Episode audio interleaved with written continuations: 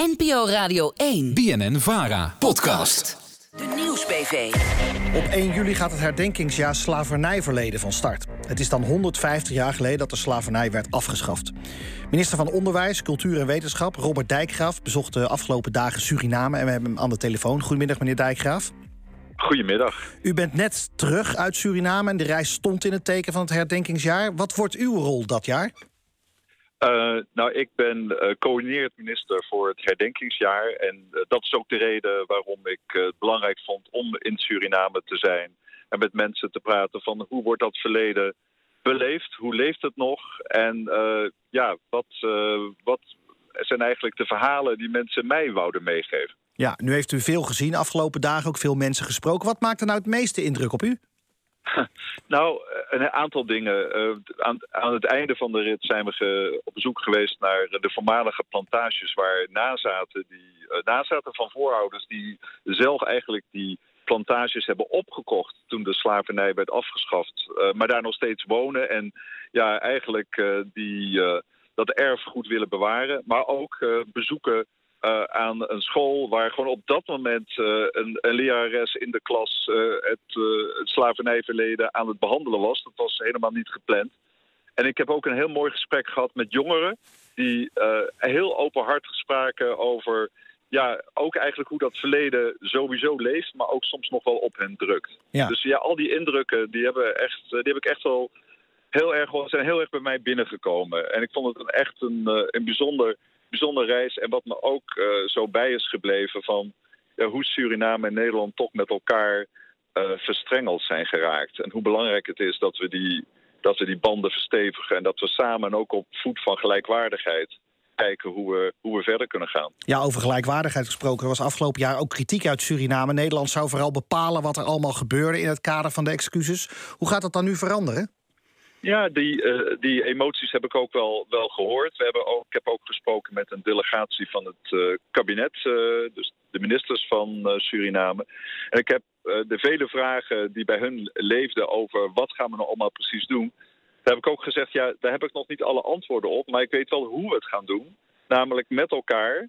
En inderdaad, die gelijkwaardigheid, de, de symmetrie, toen de excuses zijn gemaakt, die moeten van één kant komen. Het is ook heel goed dat dat uh, door Nederland zo, uh, zo geïnitieerd is. Maar het is wel heel belangrijk, denk ik, in dat vervolgproces, wat we hier dan uh, ja, het stuk na de komma noemen, dat we dat echt met, met elkaar doen.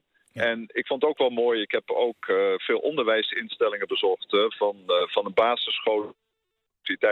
En we hebben een mooie overeenkomst kunnen sluiten met de Surinaamse minister van Onderwijs. Om de komende twee jaar op een heleboel van deze onderwerpen ook het curriculum, ook hoe kunnen we gewoon nou het onderwijs versterken, om daar samen op te gaan trekken. En ik denk dat is ook een hele concrete manier hoe je ja, toch de, de grote uitdagingen waar Suriname voor staat, om die uh, gezamenlijk uh, aan te pakken. Ja, want Suriname heeft te maken met een hele hoge inflatie. Het land zit ook in een economische crisis. Legt die economische situatie in Suriname nou ook een schaduw over dat herdenkingsjaar? Uh, nou, ik denk ja en nee. Er zijn natuurlijk heel veel zorgen die mensen hebben.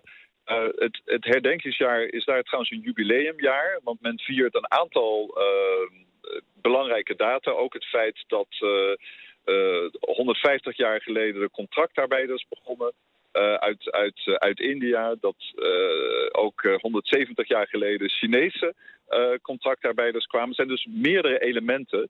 En ik moet zeggen, er is geen noodzaak om in Suriname meer bewustzijn te creëren van dat slavernijverleden. Men leeft daar gewoon iedere dag mee. Maar men vraagt zich wel af terecht van ja, hoe kunnen we die weg voorwaarts vinden? En ook hoe kunnen we dat doen op een manier waarin we aandacht houden voor alle bevolkingsgroepen in Suriname.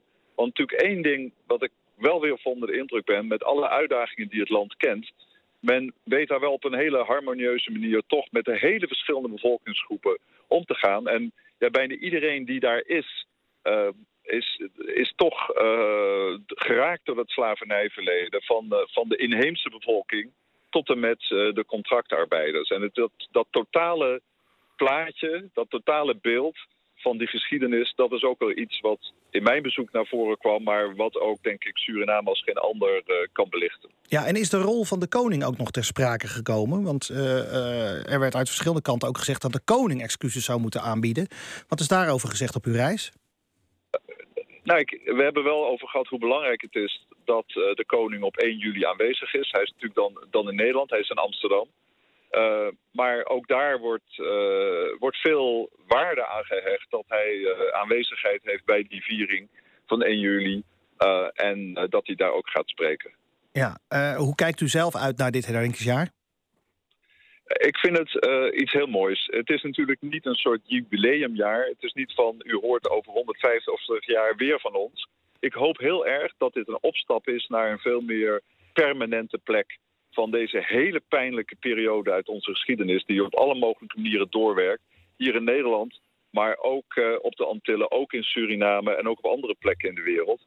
En dat het eigenlijk een, uh, ja, een jaar is waarin we ook met elkaar leren wat zijn nou de belangrijke boodschappen, wat zijn de belangrijke momenten in het jaar, welke stemmen moeten gehoord worden. En hoe kunnen we eigenlijk meer leren over dat verleden? Ja, en leren is onderwijs en daar bent u minister van. Dus uh, onderwijs Absoluut. kan wel degelijk een rol spelen, neem ik aan. Nou, dat vind ik wel heel mooi. Is, van, ik, uh, uh, als we gaan kijken van wat nou echt die lange termijn doorwerking is... en wat we daaraan kunnen doen... dan zijn de, de krachten van onderwijs, cultuur, erfgoed, onderzoek, archeologie... eigenlijk heel veel domeinen die heel natuurlijk in mijn ministerie liggen... die gaan dan denk ik toch een belangrijke rol spelen om met elkaar die toekomst te vinden. Dus goed dat u in Suriname was. Dank u wel, minister van Onderwijs, Cultuur, Wetenschap, Robert Dijkgraaf. Meer van de Nieuwsbv? Volg ons op Instagram. Twee jaar